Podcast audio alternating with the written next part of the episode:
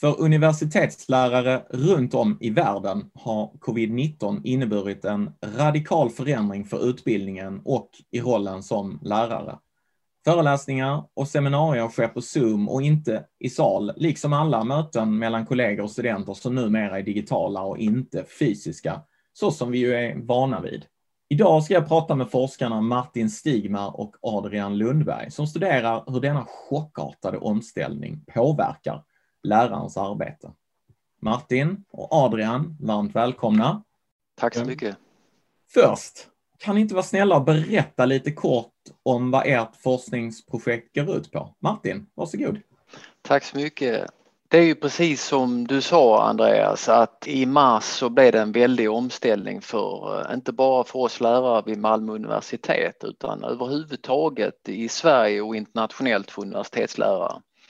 Vi var vana vid att undervisa i salar och träffa våra studenter i föreläsningar, seminarier och i handledning. Men när den här pandemin spred sig så blev det ju mer och mer så att vi fick jobba hemifrån och eh, vi fick inte komma till arbetsplatsen. Senast igår var jag och Adrian med i en konferens som var digital och då var det en av eh, åhörarna i den här workshopen som just sa att jag har inte varit på jobbet på över ett halvår. Det är ganska lång tid, 6-7 månader och då började jag och Adrian och några andra kollegor som vi jobbar tillsammans med eh, Marie Leijon, David Rosenlund, eh, Tobias Olsson och så jag Andreas fundera kring vad händer egentligen med lärarprofessionen och vår yrkesroll och vår identitet när vi ganska snabbt får ändra från fysisk undervisning och fysisk närvaro till att undervisa digitalt. Vad händer med vår, eh, våra tankar kring vår yrkesroll och hur vi agerar och hur vi samarbetar med studenter? Det var den breda ingången till detta projektet. Jag vet inte om du vill fylla på Adrian? Ja, jag tänker jag kan fylla på med att eh, Martin och jag hade lite tur för att i januari, precis innan corona kom till Sverige, så samlade vi in datamaterial om vad som kommer att bli framgångsrika lärmiljöer i framtiden. Och då hade vi eh, olika universitetslärare från Malmö universitet som svarade på den frågan. Så vi har lite för corona datamaterial eh, och det är väl ganska så spännande när vi kan också samla in datamaterial nu efter de sex, sju månader där vi har suttit hemma och jobbat hemifrån.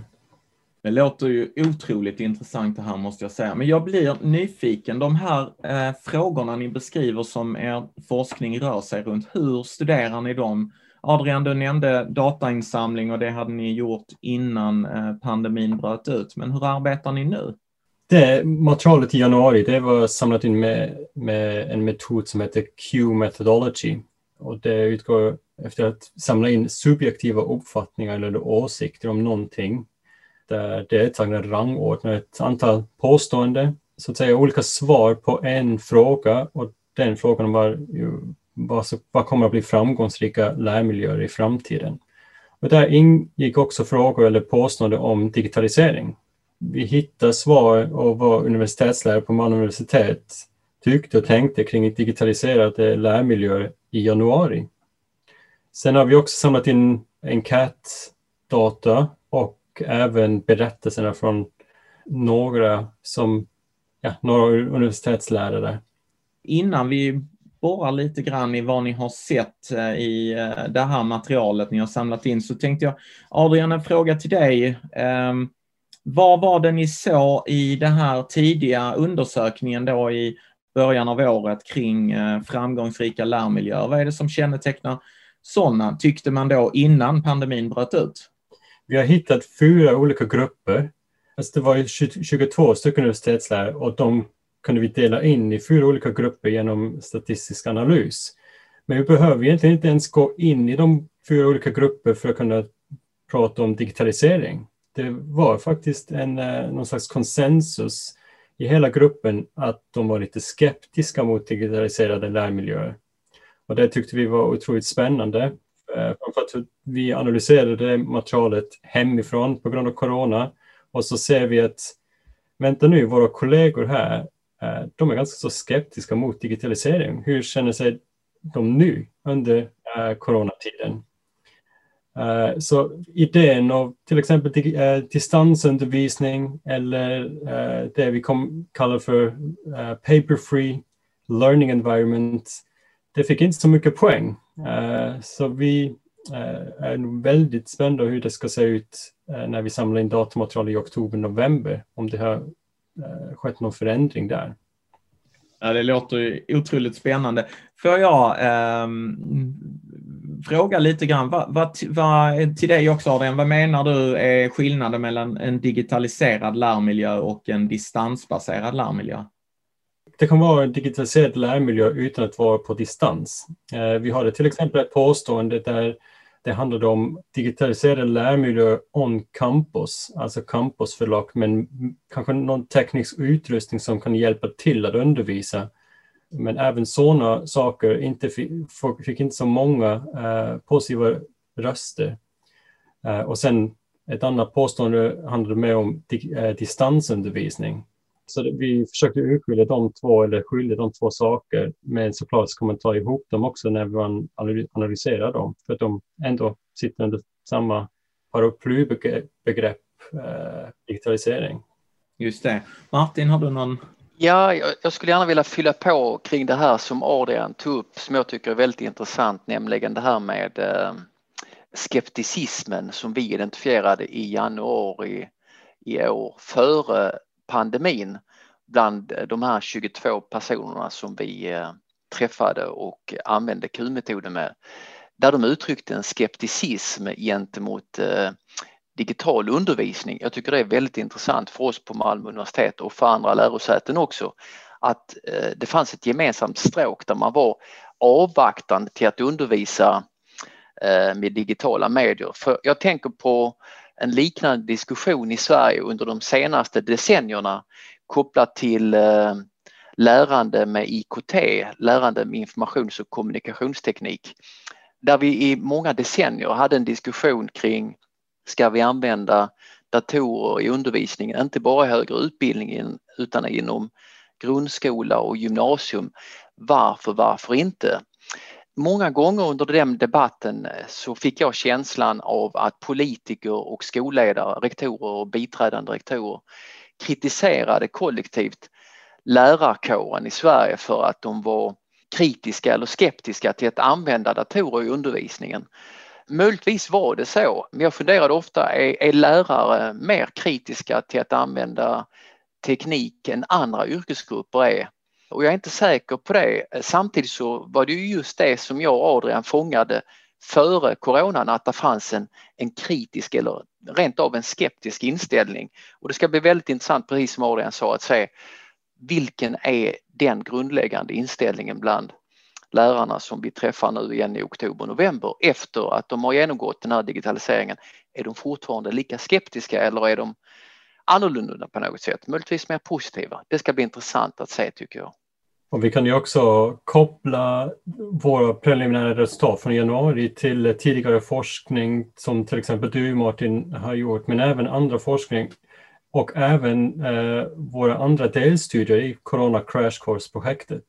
Och där ser vi att det finns någon slags eh, osäkerhet av att använda digitala medier i undervisningen. Man är inte helt överens, eller man vet inte riktigt hur man ska använda de olika saker som då finns. Eh, I enkätstudien till exempel så har vi samlat in svar hur eh, universitets, universitetslärare kände sig, hur säkra de kände sig när de använde Canvas, Zoom, Mauplay, Teams.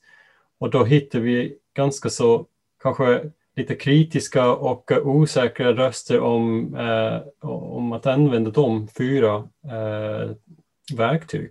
Och du Martin, du, du har ju forskat om det länge och du, du har ju också sett att det finns eh, mycket osäkerhet där. Ja, jag tänker på det här med eh, osäkerheten eller den lite avvaktande hållningen som lärare kanske har, lärare generellt, grundskola, gymnasium, högskola inför att införa ny teknik och att undervisa med ny teknik. Eh, där tror jag att eh, en av anledningarna är att eh, lärare är väldigt ansvarstagande och vill sina elever och studenter väl.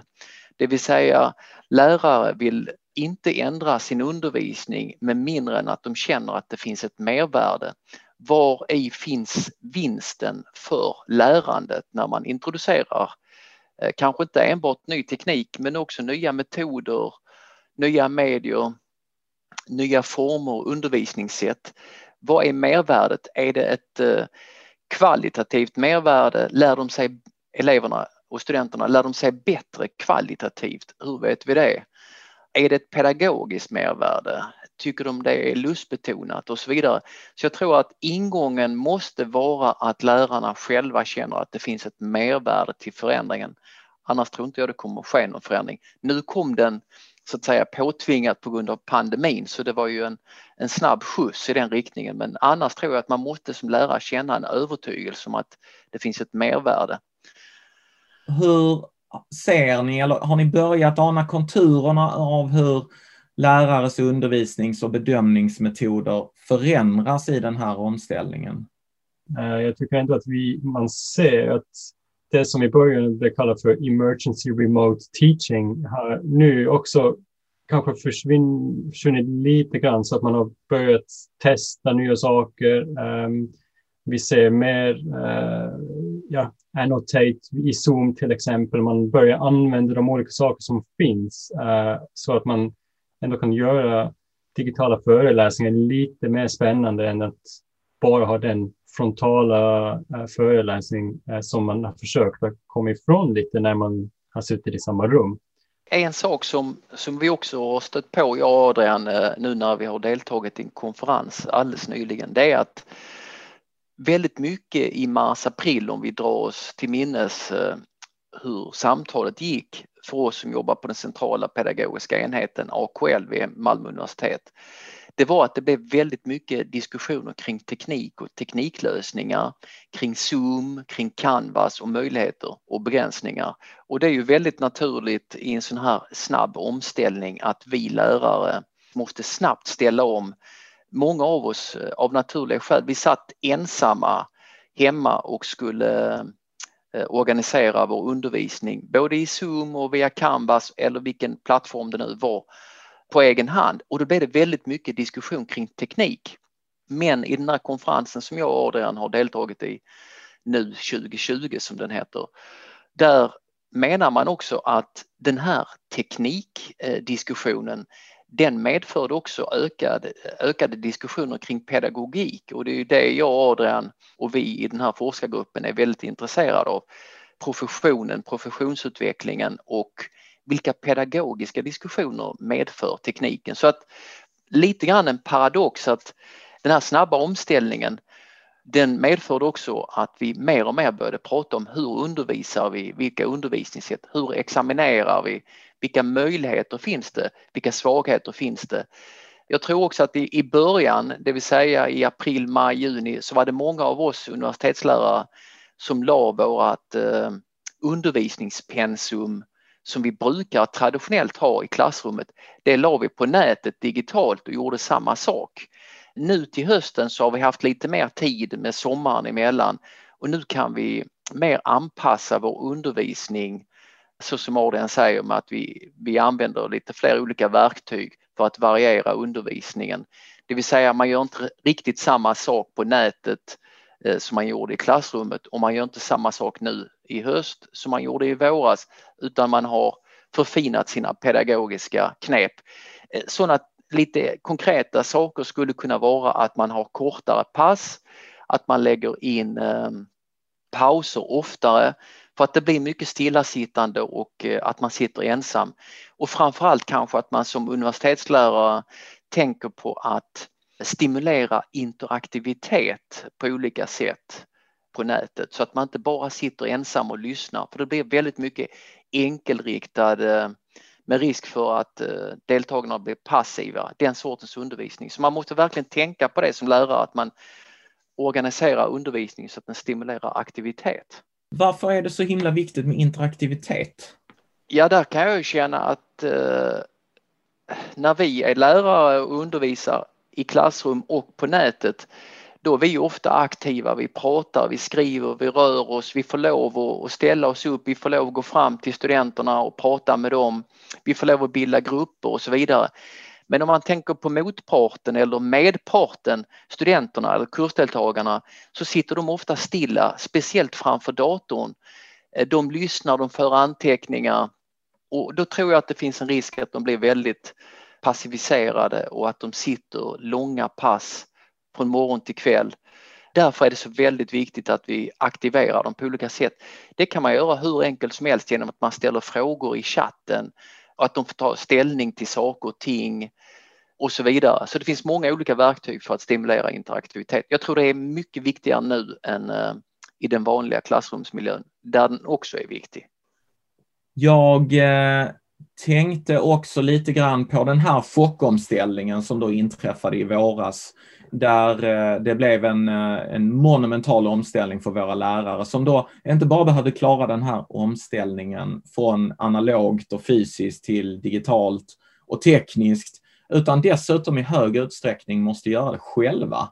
Det vill säga det här kollegiala sammanhanget i fikarummet, i korridorer mellan lärare där man diskuterar hur man löser olika typer av problem eller hur man kan göra saker och ting bättre. Har ni sett någonting i er forskning kring hur det samtalet har, har utvecklat sig nu? Det vi har sett eh, som inte riktigt ingår i vår undersökning men som, som var en praktisk konsekvens av omställningen det är att vi på AKL, vi hade olika forum där vi bjöd in tillsammans med IT-pedagoger och hade stöd för lärarna på MAU. Så det var ett sådant forum för att stimulera. Eh, MAU centralt la ut också länkar och samlade material för att underlätta och just hjälpa lärare så att de inte skulle sitta ensamma utan det fanns centralt samlat på MAU. Och det fanns nationella eh, sajter också i olika forum eh, på nätet där man hjälpte varandra från sinsemellan eh, de olika universiteten. Så att det var olika sajter som, som hjälpte till med tips och stöd och råd för att just för att undvika att man skulle sitta ensam med detta. Så den kommunikativa lärardelen, den tror jag har fungerat ganska väl. Man har frågat, var, frågat varandra och fått generös, generöst med svar och tips kring hur man kan lösa frågor oftast eh, av teknisk karaktär men också då kopplade till det pedagogiska för de hänger ju ihop så att säga. Till exempel det vi var inne på Andreas med interaktivitet. Så att eh, både på AKL, MAU och centralt i Sverige har det funnits sådana här stödjande sajter. Inom ert eh, forskningsprojekt Corona Crash Course så har ni också med frågor kopplade till eh, lärarens yrkesroll och lärarens identitet. Och jag undrar om ni kan reflektera lite grann över vad som är lärarens yrkesroll och identitet och hur det kanske har påverkats inom eh, den förändring vi befinner oss i. Martin, varsågod. Tack så mycket. Det är kul att du tar upp den frågan Andreas därför att nu i höst så har vi startat eh, på Malmö universitet faktiskt Sveriges första master i Teaching and Learning in Higher Education. Och i den mastern så eh, diskuterar vi just det här med den professionella identiteten där det visar sig att många av universitetslärare, inte bara i Sverige utan bland de som deltar i den här masterkursen, man identifierar sig med sitt ämne, till exempel eh, juridik, biologi, idrott och hälsa eller vad det nu är för någonting. Men i den här mastern kring Teaching and Learning in Higher Education, då går vi in på det gemensamma, det vill säga att vi just är lärare inom universitetet. Och då mer och mer pratar vi om hur undervisar man? Varför undervisar man på det här sättet? Och vilka alternativ har man att undervisa? på universitet. Och då blir det mer en förskjutning från ämnesfokus till själva undervisningen och hur man stimulerar studenternas lärande. Och det är lite grann av ett uppvaknande för kursdeltagarna. För väldigt många har sin identitet i sitt ämne av oss universitetslärare. Och för Adrian och mig så råkar det vara just pedagogik och undervisning som är vårt fokus. Men för många av masterdeltagarna så är det ämnet.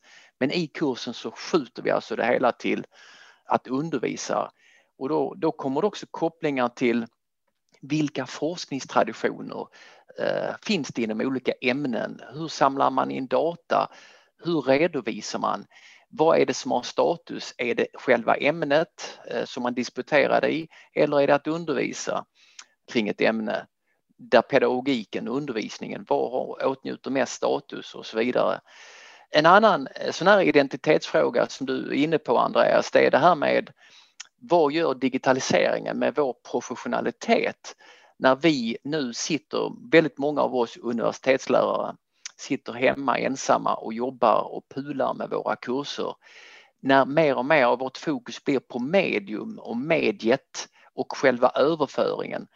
Det finns en liten risk och farhåga att att vi inte lyckas skjuta över intresset från teknik till pedagogik utan att vi, att vi fastnar i att prata väldigt mycket om plattformar, telebildlösningar, teknik och där vi tappar det här med innehållet, eh, att läsa artiklar, vi universitetslärare, att läsa på kontinuerligt och fortbilda oss så att vi har ett uppdaterat pensum som vi undervisar kring utan vi får lägga ner så väldigt mycket tid på teknik. En annan sån sak konkret är ju att många universitetslärare har fått spela in filmer. MAU Play nämnde vi tidigare eh, och det finns ju många positiva eh, saker med det, till exempel att eh, vi som lärare måste vara tydliga kring det vi säger och studenterna har möjligheten att komma tillbaka till stoffet och titta på det flera gånger, har jag förstått det rätt, och man kan diskutera med en kurskamrat. Å andra sidan, återigen, vi lärare får lägga ner väldigt mycket tid och fokus på att eh, spela in de här filmerna. Så det finns både för och nackdelar och det här kommer säkert sätta avtryck i vår yrkesroll framöver. Jag vet inte om Adrian vill fylla på? Ja, jag skulle vilja lägga till äh, att vi kan koppla det faktiskt till våra pre-corona data hela identitetsfrågan är enligt mig ganska så en subjektiv individuell äh, fråga. Och i Q-data som vi har samlat in i januari så hittar vi de fyra äh, grupper. Och man skulle kunna säga att det är fyra olika lärarroller som beskrivs där. Så då har vi till exempel de som ser sig mer som de traditionella undervisare, de som föreläser, och låter eh, studenterna jobba sen eh, själva och hjälper dem om det behövs. Sen har vi de som vill ha flexibla lärmiljöer eh, och känner sig mer som facilitators kanske. Och det är en annan lärarroll man har där, en annan läraridentitet. Sen har vi en grupp som försöker ta hänsyn på de kanske mest sårbara, lite svagare studenter så att alla har lika goda chanser att bli framgångsrik på universitet. Och sen har vi en fjärde grupp som äh, försöker fånga ett kreativt och kollaborativt eh, lärmiljö. Vi får se om de pre-corona lärarroller, om vi vill kalla det för det, ändras under coronatiden eller har ändrats redan om vi då samlar in postdata om det kanske i andra grupper och andra identitetsroller som universitetslärare. Jag tänker också på det här som du var inne på Andreas kring eh, professionalitet och yrkesrollen. Jag känner att redan nu så har vi rent praktiskt, många av oss universitetslärare, fått ställa om och, och bli mer flexibla. Där det kanske just handlar om flexibilitet, eh, det vill säga inte antingen klassrum och fysiskt och analogt eller digitalt fullt ut utan att vi blir kanske lite eh, flexibla i mitten och jag tänker på en konkret erfarenhet som jag hade från nu, nu i höstas. Jag och en kollega hade en fortbildningskurs, eh, en handledarutbildning. Alla gånger som vi har kört den tidigare år så har den varit fysiskt på plats på Malmö universitet. Och när jag hade utvärdering med de här handledarna som var professionella tandläkare som hade jobbat i många år i södra Sverige så sa de i utvärderingen att de var väldigt skeptiska och kritiska på gränsen till negativa till att eh, genomföra den här utbildningen på, på distans via Zoom. Medan jag och kollegan sa vi har gjort den här kursen tidigare fysiskt, nu blir det första gången, men vi har undervisat mycket digitalt under våren. Det ska säkert gå bra. Efter kursen, både muntligt och skriftligt i utvärderingen, så var deltagarna överväldigande. De var väldigt positiva till kursen och att den hade skett digitalt. Dels så slapp de att pendla från södra Sverige ner till Malmö. de slapp bo över på hotell med kostnadsfrågan och det var flera som nämnde miljöaspekten också att de inte behövde köra till Malmö. Så att det de tydligt sa kursdeltagarna det var att när ni gör kursen i fortsättningen, gör den inte fysisk utan gör den digitalt. Och då, den är på tre dagar och då, då enades vi kring att kanske är det en bra modell att köra de första två dagarna fysiskt så vi får träffa varandra, lära känna, känna varandra och den tredje uppföljande examinerande dagen den tar vi på, på distans. Så får vi lite både och så att jag tror att den yrkesrollen kommer bli mer och mer flexibel och jag menar, vi har massor med sammanträden och konferenser nu på nätet och för något år sedan, precis som du inledde Andreas, så var det nog ganska otänkbart att ha konferenser och möten på nätet. Medan nu har vi det hela tiden och det fungerar väldigt väl när man tränas i det. Så att den här flexibla eh, utvecklingen där det inte handlar om antingen eller eh, utan både och. Det bästa av två världar, den, den tror jag, jag tycker jag ser komma redan nu. Det är jätteintressant att höra detta. Jag hade ju, leder du ju mig in, osökt in på eh, eh, nästa fråga och den handlar ju lite grann om en framåtblick. Och då kanske Adrian ska få, få börja svara på den. För jag undrar, vad, vad, vad tror du, vad har du sett i all, all din eh, forskning som du har tagit dig igenom och som du är mitt uppe i? Hur, hur tror du att undervisningen kommer att se ut när pandemin är över? Det är svårt att säga vad det kommer att göra utifrån forskningen eh, för att det inte finns så mycket forskning än. Eh, det kommer mer och mer nu eh, vad som händer eh, under coronatiden. Eh, Men det jag kan säga är att kanske lite mer utifrån min egen erfarenhet är att jag tror att mycket handledning till exempel kommer att ske digitalt i framtiden. Sen eh, när det handlar om undervisning och seminarier så tror jag att, precis som Martin säger, eh, att vi försöker fånga båda två världarna så bra som möjligt så att vi ändå träffas. För vi har ju sett att i enkätresultat att det dialogisk, eh, dialogisk undervisning har minskat och även kvaliteten i den dialogiska undervisningen har försämrats. Och det ja, man förstår ju det när man, när när man sitter hemma och man ser eh, studenter bara via skärm och så ibland så sätter man inte på kameran heller. Så eh, det är mycket svårare att ta en dialog digitalt än när man sitter i samma rum. En sak till som jag tänker på är att och det kommer också från eh, gårdagens prestation vid konferensen, det är när en deltagare säger att jag kommer försöka gå tillbaka till precis samma undervisningssituation som innan corona för att jag är så sugen på att träffa studenter och inte sitta hemma. Så det kommer, det kommer att bli spännande att se vad som händer när vi äntligen får träffas igen. Hur mycket av det digitala kommer att vara kvar precis då och hur mycket kommer att komma tillbaka efter no, eh, eh, lite tid när man eh, ja, har accepterat att nu får jag faktiskt sitta hemma men jag får också träffa studenter på plats. Jättebra, tack så mycket. Vad säger du Martin om framtiden? Det som Adrian lyfter upp med dialogen tycker jag är väldigt viktigt att, att vi är observanta på det, att, eh, att vi inte tappar dialogen. Så att det blir massa överföring enkelriktat från oss lärare till mottagaren. Det tror jag är viktigt. Men om jag börjar med några fördelar så tror jag i framtiden att, att det här med den positiva känslan som många av oss har kring frihet i tid och rum, alltså att inte behöva pendla och mötas alla gånger för undervisning, seminarier, handledning som Adrian är inne på, men också administrativa möten. Den friheten tror jag uppskattas både av studenter och personal. Variationen med eh, ökad digitalisering, filmer, ljudfiler, eh, verktyg som stimulerar interaktivitet som vi var inne på. Det medför ofta att det blir lustbetonat när det är varierat och en annan fördel är att digitaliseringen förhoppningsvis och där måste vi som är pedagoger ta ett ansvar att vi för in det på också pedagogiska diskussioner så att det inte stannar vid tekniken. Det är fördelar. Farhågor som jag ser det är det här med teknikfokus, att det blir för passiviserande överföring. Man gör samma sak Eh, på nätet som man gjorde tidigare eh, i klassrummet. Det är en sån sak som vi är inne på. Vi blir också mer som lärare beroende av teknikstöd, att tekniken fungerar, att vi måste ha support och det måste vi ha snabbt om inte plattformar, telebild eh, fungerar, ljud och så vidare, det känner vi igen. Så att det här med att vi blir mer och mer beroende av tekniksupport En tredje sak är det här med ägandefrågan. Vem är det egentligen som äger intellectual property, sånt som vi har framställt, eh, vi lärare, digitalt? Är det vi själva eller är det lärosätena?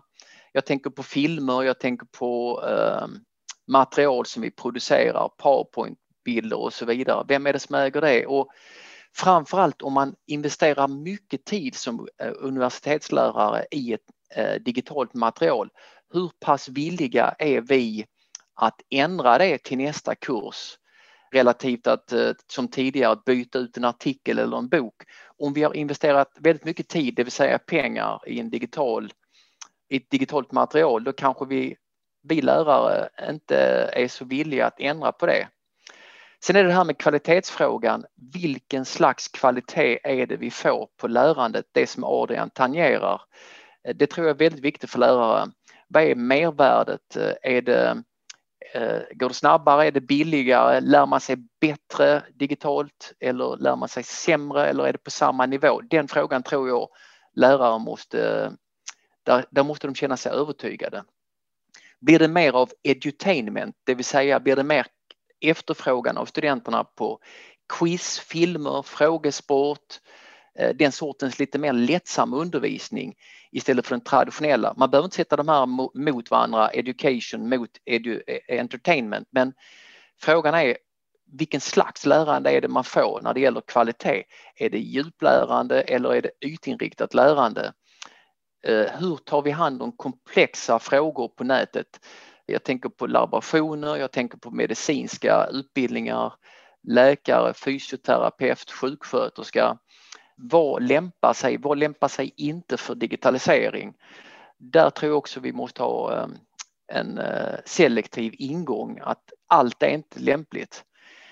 Eh, det här med ensamlärande har jag varit inne på lite grann, att man sitter ensam ute på datorerna och det kanske är lite mindre samarbete studenterna sinsemellan, det måste vi undersöka. Någonting som jag saknar som lärare det är att när det är pauser då går jag ofta och pratar med kursdeltagarna deltagarna och diskuterar och man får en personlig relation till dem. Nu när man har en paus då stänger man av ljud och kamera och man får inte det här samtalet med studenter eller kursdeltagare och det tror jag är, det är synd. Då har jag bara en fråga kvar. När jag nu har två sådana här experter på digital undervisning och examination framför mig så kan jag inte låta bli att undra. Vad är era respektive favorittips för digital undervisning? Adrian, ska du börja? Mina konkreta tips är egentligen att använda det som finns redan i eh, de olika verktyg vi har. Och då tänker jag mest på eh, till exempel Zoom, att det finns Annotate där, att man kan lägga, förbereda olika till exempel PowerPoint-bilder och så kan studenterna rita på de bilder eh, så kan man skapa en bild tillsammans. Eh, genom Eh, den funktionen så kan man också fånga upp deras aktuella eh, situation, eh, hur, eh, ja, hur de eh, eh, känner sig säkra eller osäkra med det man har precis eh, undervisat eller diskuterat. Fantastiskt tack och där tycker jag mig också ana konturerna av begreppet interaktivitet som vi ju pratade om tidigare. Tack så jättemycket. Vad säger du Martin? Jo, det var faktiskt det begreppet som du tar upp där Andreas, interaktivitet. Det är det viktigaste för mig, inte kopplat till ett konkret digitalt verktyg förutom de som Adrian nämner, utan det är just att det blir ännu viktigare tycker jag att på nätet när man undervisar digitalt att man stimulerar interaktivitet, till exempel genom att man som lärare undviker att föreläsa och prata för länge utan man pratar kortare stunder och att man i inledningen av sina undervisningspass säger att ni får hemskt gärna flika in, avbryta, ställa frågor, eh, anmäla en avvikande uppfattning och att man verkligen explicit säger det så att man eh, ger en trygghet till kursdeltagare, åhörare, studenter att våga ställa frågor och interagera. Till exempel genom att skriva i chatten bara eller lyfta upp handen och vinka eller ropa rakt ut. Det beror ju på hur stora grupper man har men det är någonting som jag tycker är väldigt viktigt att man är tydlig kring det med eh, att man, att man får en levande dialog pauser, kortare dagar är också viktiga saker. Tack så jättemycket. Eh, jag tar inte fasta bara på det här med begreppet interaktivitet utan också på det här med att inte prata för länge. Och därmed avrunda den här eh, podden med ett varmt och hjärtligt tack till Adrian Lundberg och Martin Stigmar som har berättat om deras forskningsprojekt The Corona Crash Course. Tack så mycket.